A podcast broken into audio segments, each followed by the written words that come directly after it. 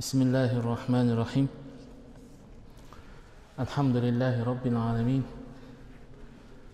والصلاة والسلام على رسولنا محمد وعلى آله وصحبه أجمعين السلام عليكم ورحمة الله وبركاته құрметті жамағат біз сіздермен пайғамбарымыз мұхаммед мұстафа саллаллаху алейхи уассаламның ғибратты ғұмырынан дәрістер өтудеміз біздің сабағымыз сира сабағы пайғамбарымыздың өмірі жайлы. Ғұмыр дерегі жайлы. Біздің келіп соңғы тоқталған тақырыбымыз алла елшісі саллаллаху алейхи уассаламға келген алғашқы делегация деген тақырыбымыз сондай.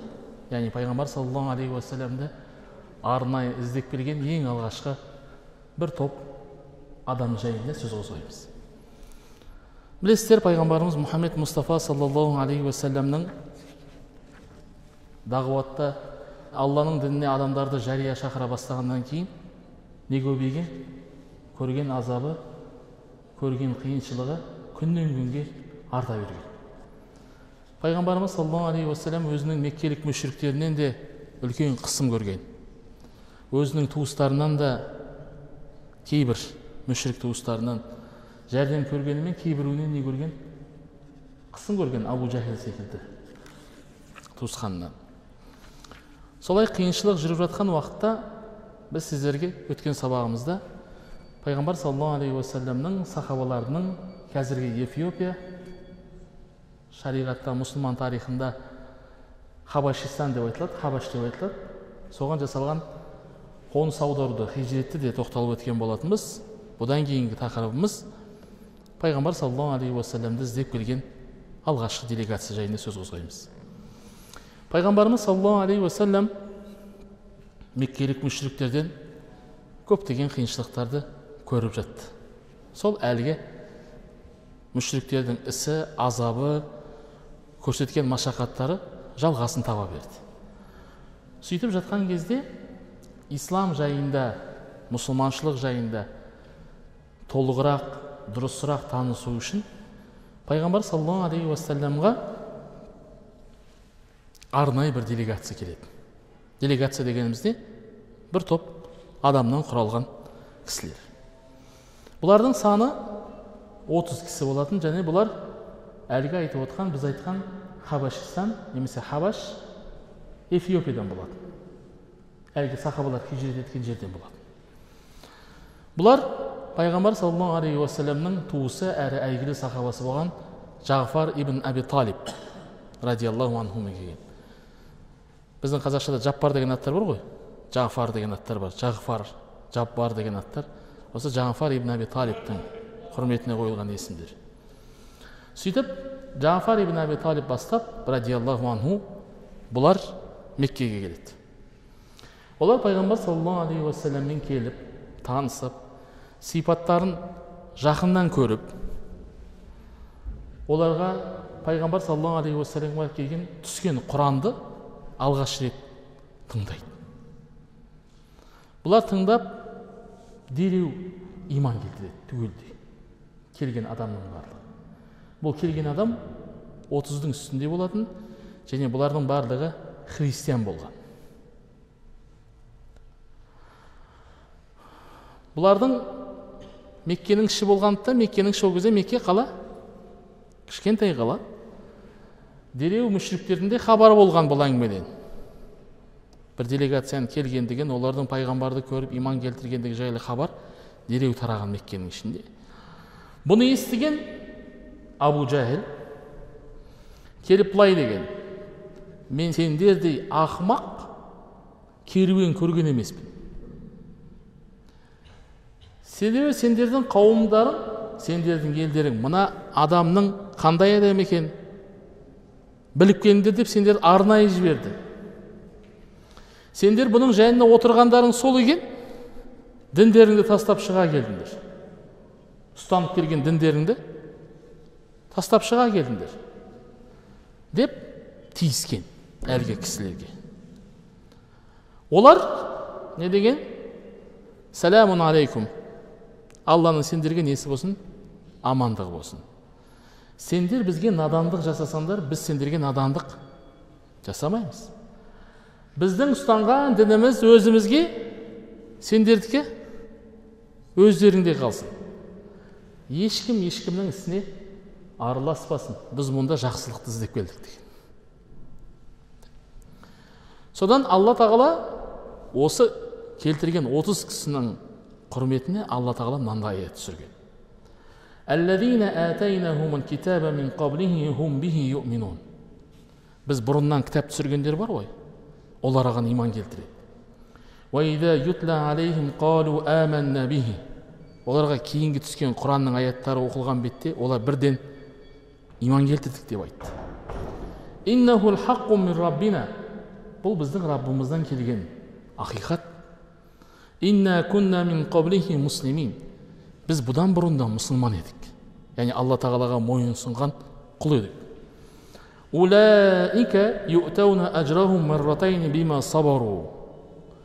бұларға сабыр еткендіктері үшін бұларға осы жерге келіп пайғамбарға келіп иман келтіргендіктері үшін біз олардың сауабын екі есе береміз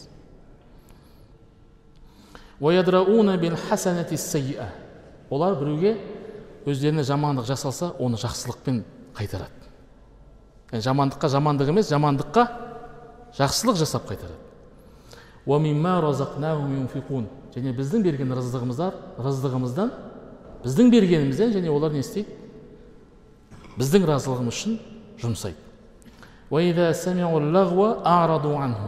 Олар лаққан сөз пайдасыз нәрсе естісе одан сырт айналып кетеді.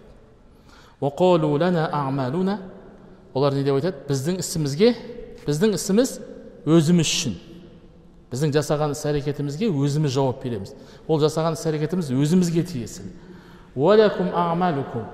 Сендерге өздеріңнің істерің тиесілі. Сәләмун алейкум сендерге алланың амандығы болсын. Біз надандармен тартысқымыз келмейді деген. Бұл қасас сүресінің елу екінші елу бесінші аяттары.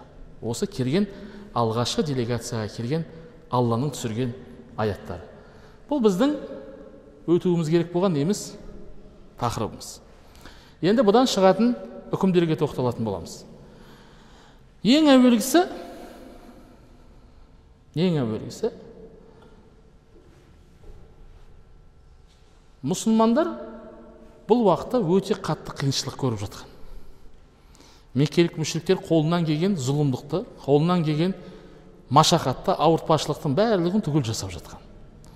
Бірақ алла тағала құдай өзі айдап келіп осындай бір не жіберген осындай қиын бір уақытта бір арнайы отыз кісі келіп пайғамбар саллаллаху алейхи уассаламға иман келтірген. Бұл да алланың несімен болған әрине алланың қалауымен болған дүние. Бұл нені көрсетеді?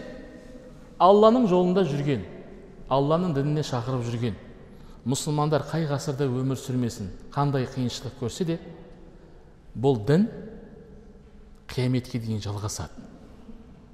Бұл дін қияметке дейін бұл дінді іздеп ақиқатты түсінетін адамдар болады. Біз мұсылмандар қанша қиыншылық көріп жатсақ та бізді қаншама жамандап көрсетіп жатса да сырттан біреу келіп исламның ақиқатын түсініп мұсылман болатындардың саны артпаса кеммейді. Пайғамбар саллаллаху алейхи уассаламның кезінде қазақша айтқанда бір уыс мұсылман. Өздері сонша қиыншылық көріп жатқан кезде меккеде сырттан біреулер іздеп келіп не істеген? Иманның ақиқатын түсініп иман келтірген. Бұл нені көрсетеді? Біз мұсылмандар қанша қиыншылық көрсек те, көрсек те бұл дінді тарату үшін. Бұл дінді бәрібір сырттан айналып кеп қанша жаман етіп көрсеткенімен иман келтіретін адамдар қияметке дейін саны азаймайды екен. Бұл бір. Бұлардың ішінде қанша кісі дедік? Бір риуаятта отыз кісі бір риуаятта қырық кісі. Біздің ұстанып отқан риуаятымыз сахих риуаятымыз саны қанша кісі болған? Бұлар саны 30 кісі болған. Бұлар теңізді кешіп өтіп қызыл теңізді кемемен кешіп өтіп кемемен сапар жасап теңізді теңізді ар жағынан келіп бұлар не істеген? Мұсылманшылықты қабыл еткен. Енді қараңыз. Екінші мәселе бұл мұсылманшылыққа бәрібір біреулер сырттан қысым көргенмен бұл мұсылманшылық бәрібір жемісін береді. Бұл екінші мәселе. Мұсылманшылыққа қанша қысым көрсетіп оның алдын жабам дегенмен бұл бәрібір өзінің несін береді? Бұл бәрінің бәрібір өзінің жемісін береді. Бұл дінді меккелік мүшриктер өзінің ұясында тұншықтыра алмаған. Түсіндіңіз ба? Себебі басталған істі басында өшірген дұрыс солай ма? Төменгі жағымен алысқаннан гөрі неден алысу керек? Суды қалай бекітеді? Суды төмен жақтан бекітесің ба жоқ неден бекіту керек? О басынан бекіту керек. Сонда су тоқтайды. Тоқтау керек болса. Дәл сол секілді меккелік мүшриктер бұны буын, қанша буындырғанымен қанша қысым көрсеткенімен қанша жамандап көрсеткенімен бәрібір бұл исламды мұсылманшылықты не қыламаған тоқтата алмаған. Нәтижесінде меккенің ішіндегі емес меккенің сыртындағы мүлде меккеден қашық жердегі адамдар келіп не істеген? Мұсылман болғандықтарын тілге тиек еткен екен. Енді нәрсе бар.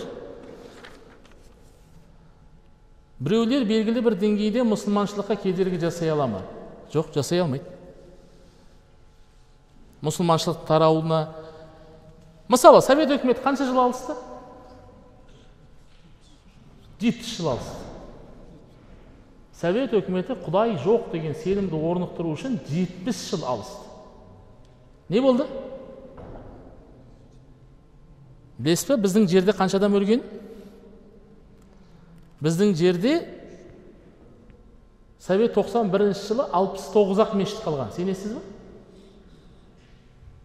қанша мешіт 69 айтуға да не айтуға да қорқынышты үлкен қазақстан секілді елде қанша мешіт қалған? 69 мешіт қалған. Біздің жеріміздегі мешіттерді ат қора қылған білесің ба? Ат ұстайтын қора қылған. Кейбір мешіттерде мен орал жақта жұмыс істедім. Кейбір мешіттерде клуб жасаған клуб. Мәдениет үйі жасаған. Кейбір мешіттер ат қора болып кеткен. Кейбір мешіттер мал қора болып кеткен. Қаншама молда имам сұраусыз атылып кеткен несі жоқ сұрау жоқ тергеу жоқ сот жоқ статья жоқ куәгер жоқ ештеңе жоқ далаға шығып ата беретін ол солар біздің еліміздегі кез келген мұсылманның жүрегіндегі иман деген сенімді өлтіре алды ма мұсылманшылық деген түгел жоқ болып кетті ма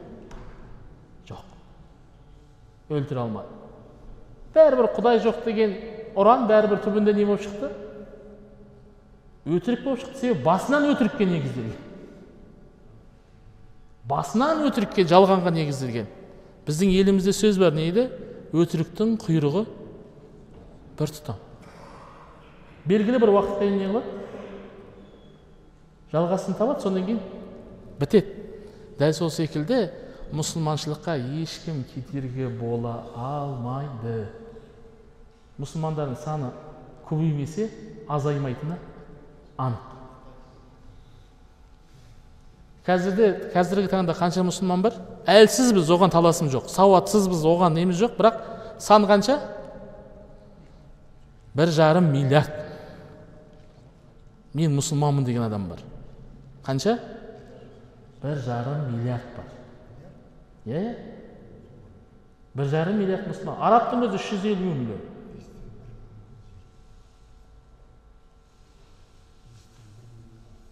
бір жарым миллиард төрттен бірі әлемнің тұрғындарының төрттен бірі мұсылмандар мен мұсылманмын деп айтады бұл сан көбеймесе тағы да қайталап айтамын не қылмайды азаймайды ешкім ешқашан алланың дініне мұсылманшылықтың таралуына кедергі бола алмайды.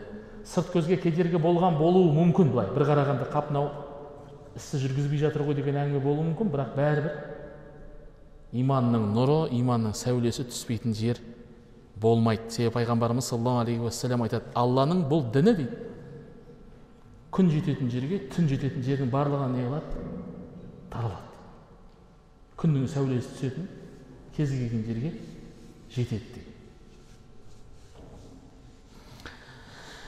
Екіншіден екінші бір мәселе бар бұл жерде. Бұл, биша, бұл келген христиандардың діні имандары өзгерді ма? Жоқ әлде. Сол иманмен ары қарай кетті ма? Деген мәселе бар. Дұрыс па? Олар келді пайғамбар саллаллаху алейhi көрді иман келтірді. Бұлар жаңадан иман келтірді ма? Жоқ әлде. Сол имандарымен ары қарай жалғасып кетті ма істері? Көпшілік ғалымдардың пікірінше олар иманын не қылған жоқ жаңартқан жоқ себебі олар өздерінің кітабында тауратта немесе інжілде пайғамбар саллаллаху алейхи уассаламның бүкіл сипатын білетін еді қияметтің пайғамбары келетіндігін білетін еді қияметке жақын келетін пайғамбардың сипатының қандай екендігін білетін еді бұлардың бар болғаны пайғамбар саллаллаху алейхи уассаламды келіп көрген кезде олардың бар болған несі артты қазақша айтқанда соған көздері жетті осы екендігіне сондықтан ғалымдарымыз не деген? Бұлардың иманы жаңарған жоқ сол бар имандары ары қарай жалғасын тауып кетті деген. Енді мынандай бір мәселе бар. Көктен түскен діндер деген мағына бар. Сондай сөз естідіңіздер ма самауи діндер дейді. Самауи діндер деген көктен түскен діндер деген мәселе бар. Бұл негізінде көктен түскендер діндер деген сөздің мағынасы дұрыс емес. Себебі біз бұл дәрісті бастаған кезде мынандай мәселеге тоқталған болатынбыз. Мұсылманшылық болсын христиандық болсын таурат болсын яхудилік болсын және оның алдындағы діндер болсын барлығында алла бір деген негізбен келген. Алла бір алланың серігі жоқ. Алла жалғыз аллаға еш нәрсеге мұқтаж емес деген сенім бәрінде бірдей болғандықтан. Сондықтан көктен түскен діндер емес көктен түскен шариғаттар деп айтуға болады. Олар әртүрлі шариғаттар себебі әртүрлі ал егер дінді иман ақида деп түсінетін болсақ бұлай бөлу дұрыс емес. Түсінікті ма? Бұл жердегі мәселе. Себебі ана христиандар келіп иман келтірді ары сол иманымен ары қарай жалғасып кете берді. Бұл біздің қазіргі тақырыбымыз. Сұрақтарыңыз бар ма осы жерге дейін? Сұрақтарыңыз жоқ болса сираның келесі бір тақырыбына өтеміз. Ол қайғы жылы деп аталады. Қайғы жылы. Қайғы жылы деп аталуының себебі бұл пайғамбар саллаллаху алейхи уассаламға пайғамбарлық түскен оныншы жыл. Пайғамбарымыздың пайғамбарлығының оныншы жылы. Қайғы жылы деп аталуының себебі пайғамбарымыз саллаллаху алейхи уассалам осы жылы әйелі хадишаны және көкесі абу талиптен айырылып қалған. Бұл екеуі осы жылы дүниеден өткен. Ибн сағат былай деп айтады. Хадиша мен радиаллаху анха абу талиптің екеуінің өлімінің арасы бір ай бес күн дейді. Бір ай бес күн болады. Хадиша анамыздың қандай ерекшелігі бар еді? Ибн хишам былай дейді.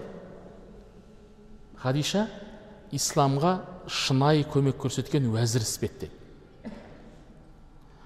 ол пайғамбарымыз саллаллаху алейхи уассалам оған шағымын айтатын күнделікті көріп жүрген қиыншылығын айтатын. Пайғамбарымыз саллаллаху алейхи уассалам оның жайында тыныштық табатын көңілі жайланатын. Абу талиб болса пайғамбар саллаллаху алейхи уассаламның үлкен қорғаны болатын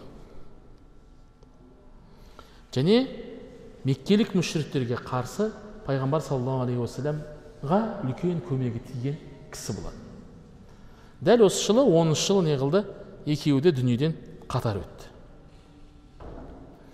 ибн хишам рахимахулла ибн хишам деп отырғанымыз осы пайғамбар саллаллаху алейхи уассалам өмірін жазған үлкен ғалымдардың бірі ибн хишам айтады абу талиб дүниеден өткеннен кейін алла елшісі саллаллаху алейхи уассалам бұрын көрмей келген қиыншылықтардың көре бастады дейді себебі құрайыштықтар меккелік мүшриктер абу талиптің көзі тірісінде пайғамбар саллаллаху алейhi тиісуге қаймығатын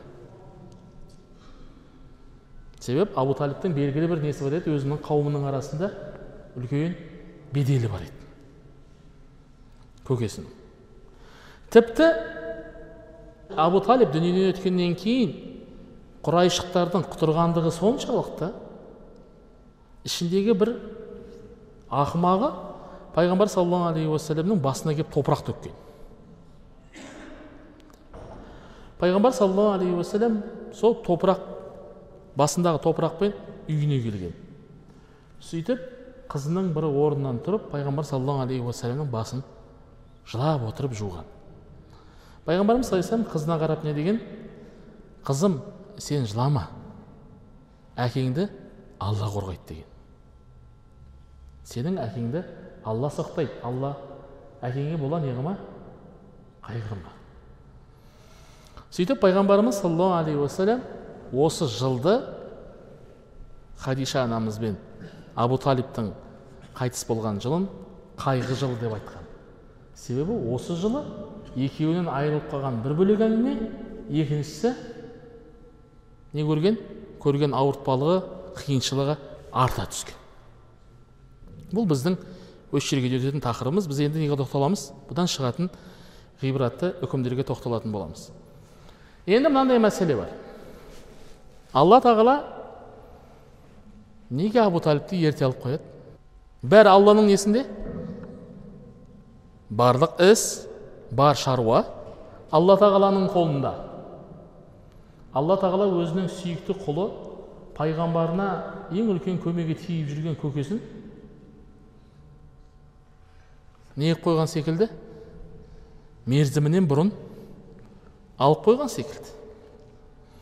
Себебі абу талиб белгілі адам және абу талиб меккелік құрайыштың меккелік мүшриктерден құрайыштың әртүрлі көрсеткен азабынан қиыншылығынан пайғамбар саллаллаху алейхи уассаламны қорғап жүретін бұл бір екінші пайғамбарымыз саллаллаху алейхи уассалам әртүрлі қиыншылық көргенде үйге келген кезде тыныштық табатын көңілі жайланатын шағымын айтатын былайша айтқанда үйдегі тірегі хадиша анамызды алла тағала не қойған алып қойған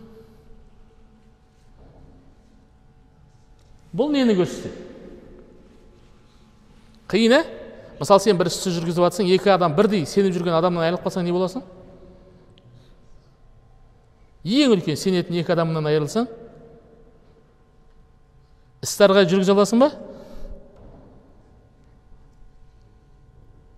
Ең үлкен екі тренішің ең үлкен екі тіреуің кетсе сен бұл істі ары қарай жалғастырасың болмаса не қыласың?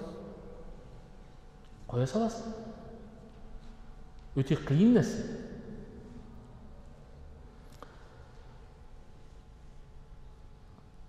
былай болуға болады ғой иә? Пайғамбарымыз саллаллаху алейхи уассалам тыйыштықты қай жерде көрген? Мәдинаға келген соң көрген иә? Мәдинаға келіп қоныс аударған соң мүшіріктердің қиыншылығынан не қылған құтылған. Сол уақытқа дейін абу талибті алла тағала неге тірі ұстамады? Иә ғалымдарымыз айтады алла тағаланың абу талибті алып қойған себебі дейді. Кейінгі адамдар ойламасын. Кейінгі келгендер мұсылманшылыққа тиіскісі келген адамдар былай деп ойламасын. Бұл істің басында әуел бастан абу талиб болатын. Абу талиб өзінің туысқанын алдыға сап итеріп жүретін сөйтіп бір үлкен идеология құрып бұның соңынан пайдасын бірге көргісі келген деген неге емесін мұнда мұнда сасық ой келмесін деп алла тағала оны не қылған алып қойған егер шынымен ақ абу талиптің өмірі ғұмыры ұзақ болғанда бұлар айтады е абу талиб басынан бұл істің басында не қылған еді? Әуелден бұл істің басында жүрген кісі болатын деген ой келмес үшін алла тағала сол ойды басынан кесіп тастаған бұл бір. Екіншіден басқа мұсылмандар қиыншылық көріп жатқан кезде пайғамбарымыздың өзінің көкесіне сеніп жүргендігі дұрыс па? Түсіндіңіз ба сұрақты? Басқа мұсылмандар азаптың түр түрін машақаттың түр түрін көріп жатқанда пайғамбарымыз саллаллаху алейхи уассалам көкесінің қамқорлығында соның қорғауында бар азаптан машақаттан аман жүргендігі сия ма неге мұны ақылға сия ма бұл істі көрсе бәрі бірге көру керек.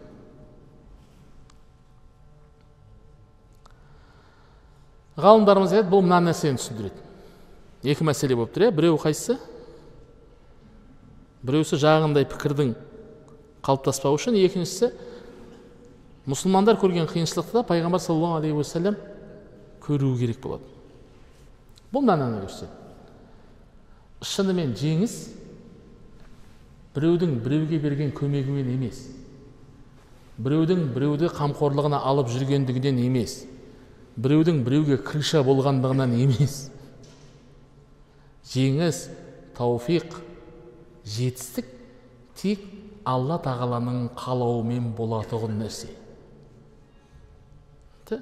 Бұл уақиға біздің немізге байланысты ақидамызға иманымызға байланысты әңгіме. Бұны мұсылмандар не қылу керек? Ұғынуы керек. Бұл бірінші мәселе. Қай уақытта болмасын саған жәрдем беретін көкең емес. Саған жәрдем беретін әйелің емес. Саған жәрдем беретін танысың емес. Сені барша қиыншылықтан ауыртпалықтан жамандықтан қорғайтын көкең ағаң танысың тағы басқаң емес. Сені қорғаса жетектесе алға бастырса тек бір алла ғана бастайды. Қалғаны бос әңгіме. Қалғаны бос әңгіме. Алла тағала осы ақиқатты көрсету үшін пайғамбар саллаллаху алейхи уассаламның көкесін жары хадишаны ерте алып қойған. Түсінікті ма біз сол пайғамбарымыздың өмірінен ғибрат алуымыз керек. Демек сұрасақ тек неден сұрауымыз керек? Алладан сұрауымыз керек сиынсақ тек аллаға сиынуымыз керек жәрдемі тек тиетін кім алла ғана сол үшін ғалымдарымыз айтатын мынандай сөз бар ғалымдар арасында сұрасаң тек алладан сұра адамнан сұрама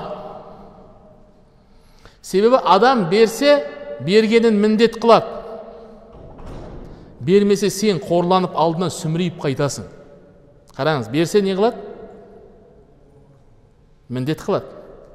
Бермесе сенің бәсің түсіп сен сұмырайып қорланып қайтасың. Сұрасаң алладан сұра берсе нығмет бермесе хикмет. Берсе не? Шынымен ақ нығмет саған берген. Бермесе хикмет. Сол үшін али радиаллаху анху айтатын болған. Құдай сұрағанды берсе бір мәрте қуанам. Сұрағанды бермесе он есе артық қуанам себебі біріншісінде менің қалағаным болды. Екіншісінде бүкіл әлемді жаратқан раббымның қалауы болды. Демек ол маған не емес екен? Лайық дүние емес екен. Бұл бір. Екіншісі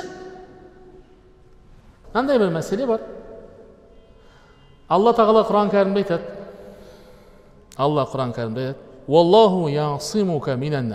ей мұхаммед алла сені адамдардан қорғайды деген аят бар алла тағала сені қорғайды деген сөздің мәнісі сен ешқандай азап көрмейсің деген мағынада шықпайды сен ешқандай қиыншылық машақат шекпейсің деген мағына шықпайды бұл сөздің мағынасы сен бұл дініңді жеткізу үшін дініңді бұл дінді соңға дейін жеткізу үшін сені алла өз қорғауына алады деген сөз. Яғни сен бұл дағуатты бұл дінді жеткізбесең өліп кетпейсің. Одан ешнең болмасын күмәнің болмасын. Сен бұл дінді жеткізесің айтасың содан кейін ғана барып өзің ісің біткеннен кейін дүниеден өтесің деген сөз мағынасы. Кейбір риуаяттарда пайғамбарымыз саллаллаху алейхи уассалам осы аят түскеннен кейін жанында бұрын сахабалар жүреді екен қорғауда жанында екі үш сахаба жүреді екен серік болып осы аят түскеннен кейін пайғамбарымыз саллаллаху алейхи уассалам жанына адам ертпейтін болған мүлдем жалғыз жүретін болған сенесіздер ма германияда бір зерттеуші мұсылманшылыққа қарсы жұмыс істеген біреу. Шығыстанушы дейді олар. Осы аятты оқыған осы аяттан аят түскеннен кейінгі пайғамбарымыздың іс әрекетін көрген оқыған содан кейін барып мұсылман болған. Түсінікті? Себебі бұл пайғамбар деген хақ. Егер пайғамбар болмаса адамның мәртебесі өскен сайын жанындағы күзетшісі охранасы көбейе береді. Солай ма? Солай солай. Бір жігіттерді көресің жай іс бастаған бір әжептәуір іс жүргеннен кейін қарасаң не бар? Жанында бір адам жүреді. Біраз уақыттан кейін қарасаң екі адам жүреді. Оның дәрежесі көтерілген сайын оның жанындағы адамдар көбейе береді. Хатшысы шопыры охраннигі көбейе береді саны. Пайғамбарымыздың өмірін оқыған бұл әйел содан кейін мұсылман болған. Себебі пайғамбарымыз саллаллаху алейхи бұдан кейін оның несі өсе берген? Пайғамбар екендігі дәлелденіп арта берген. Бір аят. Түсіне білген адамға үлкен несі бар? Мағынасы бар. Енді мынандай мәселе бар. Пайғамбар саллаллаху алейхи уассалам алла қорғайды дедік. Бірақ пайғамбарымыз саллаллаху алейхи уассалам өзге пайғамбарлар секілді не көрген қиыншылық көрген. Алланың дінін жеткізу үшін мұса қиыншылық көрді ма? Көрді. Иса алейхисалам көрді ма? Көрді. Салих пайғамбар көрді ма? Алейхисалам көрді. Юсуф қиыншылық көрді ма? Көрді. Юсуфтың әкесі яқуб көрді ма? Қиыншылық? Көрді. Юнус пайғамбар қиыншылық көрді ма? Көрді. Дәл сол пайғамбарлар салып өткен жолмен пайғамбарымыз саллаллаху алейхи уассалам да өткен. Өзінің дінін жеткізу үшін не көрген? Үлкен қиыншылықтар көрген. Бұны не үшін? Алла тағала не үшін өзінің жақсы көретін сүйікті құлын азап көруіне қалай мүмкіндік береді? Мәселен сен өзіңнің өсіріп отқан балаңның қиыншылық көрген қалайсың ба? Сол үшін біздің, біздің елде не деп айтады? Қанаттыға қақтырмай тұмсықтыға шоқытпай өсірген баламыз дейді. Иә? Сондай сөз бар. Не дейді? Үп еткен жел. Үп еткен желге қимайды адам өзінің баласын. Солай ма? Өзіңіздің сүйген жаныңызды әйеліңіздің қиыншылық көрген қалайсыз ба? Өзіңіздің сүйген бала бауырыңыздың қиыншылық көргенін қалайсыз ба? Әрине жоқ. Бірақ алла өзінің сүйікті қолын сүйікті құлын мұхаммед саллаллаху алейхи вассаламды қиыншылық көруіне разы болған. Неге? Одан кейін келетін біз бен сіздерге кейінгі келетін үмметтеріне бұл дінді таратуда көрген қиыншылықтарын өздеріне жеңіл санау үшін. Мәселен сіз осы жерде отырғандар алланың дінін таратуға күш салып жатырмыз ба? Жоқ жоқ ұстанып жатырсыздар ғой. Енді бір жерге келгенде айтасыз дұрыс па? Е мыналарың болмайды арақ ішпеңсеңдерші деп айтасың. Ең болмаса соны айтасың. Е шылым шекпесеңдерші бұлардың барлығы. Бір нәрсе айтасыз бірақ сіз не қарсы тараптан не көресіз? Қарсылық көресіз басқаша реакция көресіз. Сізге не деп айтады? Е қойшы сен дейді сен қойшы дейді біз өзіміз шешеміз өзіміз жауап береміз құдайдың алдында деген әңгімелер кетеді кейбіреулер шектен асып не дейді сен мынаны іш күнәсін мен көтеремін дейтіндер де бар. Бар бар сондайлар бар бар. Бар бар. Саған кім күнә күнәлі болса мен ақ көтерейінші осыны деп айтады. Оған миы жетіп тұрған жоқ. Ми миы жеткен адам ол сөзді айтпайды. Ол тұрмақ біреу біреудің атына түрмеге түспейді құрсын ол ақыретті қоя сал мына дүниеде біреуді көрдің ба? Түрмеге апарып жатқан кезде оны әкетпеңдер мен оның бауырым мені алып кетіңдер деп айтқан адам көрдіңдер ме олардан мені соттаңдар деген адам көрдіңдер ме табылмай қалады табылмай қалады. Әшейін әңгіме ғой ешкім ол сөздің мәнісін ұғып жатқан жоқ. Жай әңгіме жай. Ол емес менің орныма жұмыс істей тұршы десең адам бет аузы қисайып кетеді. Бір ай мен жанымда менің орныма тұра тұршы десең не болады? Біреуге айта аласың бір ай тұра тұршы деп. Мен бір шаруам бар еді реттеп қайтайын сен бір ай менің орныма тұра тұршы деп. Бос әңгіме оның демек пайғамбар саллаллаху алейхи уассаламнан кейін келетін үмметтерге біздерге яғни қияметке дейін келетін барлық үмметке ғибрат болу үшін. Сіз екеуміз қанша пайғамбар саллаллаху алейхи әкелген дінді алланың дінін қанша жаюға тырысқанымен тырысып жатырмыз ғой. Бірақ сол тырысып жатқан жолымызда ісімізде қиыншылық көрдік па басымызға біреу топырақ төкті ма жоқ. Ешкім басымызға топырақ төккен жоқ. Топырақ төккен күннің өзінде бұндай қиыншылықты пайғамбарда көрген деп сен екеуміз жұбану үшін. Мынандай нәрсе емес. Сахабалар қиыншылық көрген бұл кісі рахаттанып жатқан қалай қиыншылықты көрсе әбу бәкір көрген омар көрген осман көрген али көрген абу хурайра көрген деп отырамыз ба пайғамбар саллаллаху алейхи уассалам да қиыншылықты көрген және керемет сабырлықтың үлгісін көрсете білген соңына дейін қайтпау керектігін көрсетіп кеткен сіз бен бізге бұл пайғамбар саллаллаху алейхи уассалам көрсеткен қиыншылықтардың барлығының мәнісі осыда бұдан кейін алланың дінін жеткізуде біз қиыншылық көріп жатсақ неміз бар ғибрат аларлық тұлғамыз бар ол да пайғамбарымыз мұхаммед мұстафа саллаллаху алейхи уассалам екінші бір мәселе тағы бір мәселе бар ол мәселе мына мәселе пайғамбарымыз саллаллаху алейхи уассалам бұл жылды не деп атаған қайғы жылы деп атаған дұрыс па? Кейбір мұсылмандар оның ішінде ғалымдар мынандай бір пәтуа шығарған. Басымызға қиыншылық түссе сол жылды қайғы жыл деп атауға болады деген үкім шығарған. Себебі пайғамбарымыз саллаллаху алейхи уассалам яғни былайша айтқанда біздің тілмен айтқан кезде қандай да бір қиыншылық көрсек жақынымыздан айырылсақ сол жылды қайғы жыл деп атап қара жамылуға болады деген үкім шығарған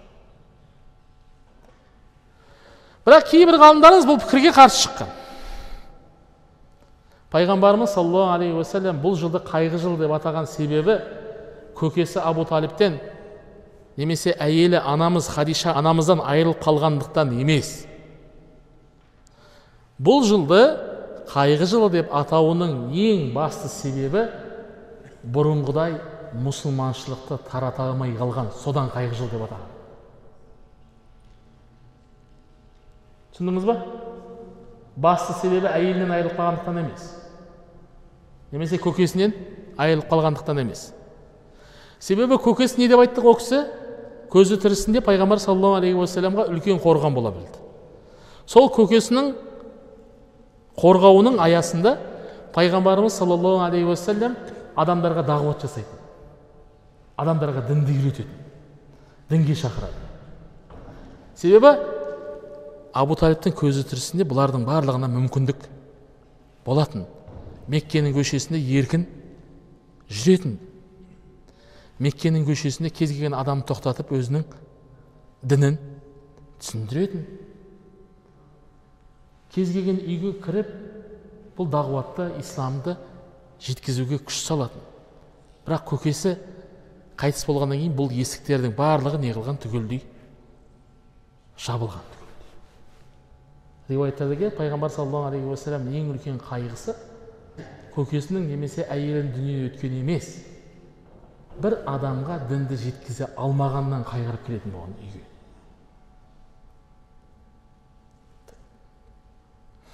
Себебі пайғамбар саллаллаху алейхи вассалам бұл қайғысы арта бергеннен кейін алла тағала мынандай бір аяттар түсірген. Бисмиллахи рахмани рахим біз білеміз ана меккелік мүшриктер айтып жүрген сөздер бар ғой саған қайғы келеді сенің жаныңа батады себебі олар сені өтірікші деп айтпайды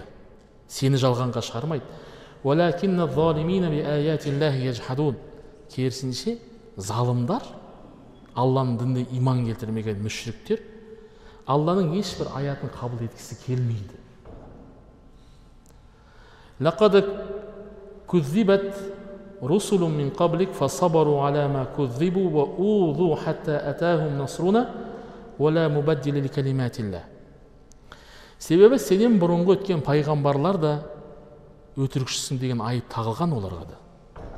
Сенің айтып сендердің айтып жүргендерің жалған деп оларға да айтылған. Бірақ олар сол жалған айтылғанға жалғанға шығарылғанға сабыр етіп қиыншылықтарына сабыр еткен сөйтіп оларға біздің неміз келген жәрдеміміз жеткен. Алла тағаланың сөздеріне өзгеріс жоқ. Яғни не деген сөз? Бұл дін жетеді. Жету керек болған адамға.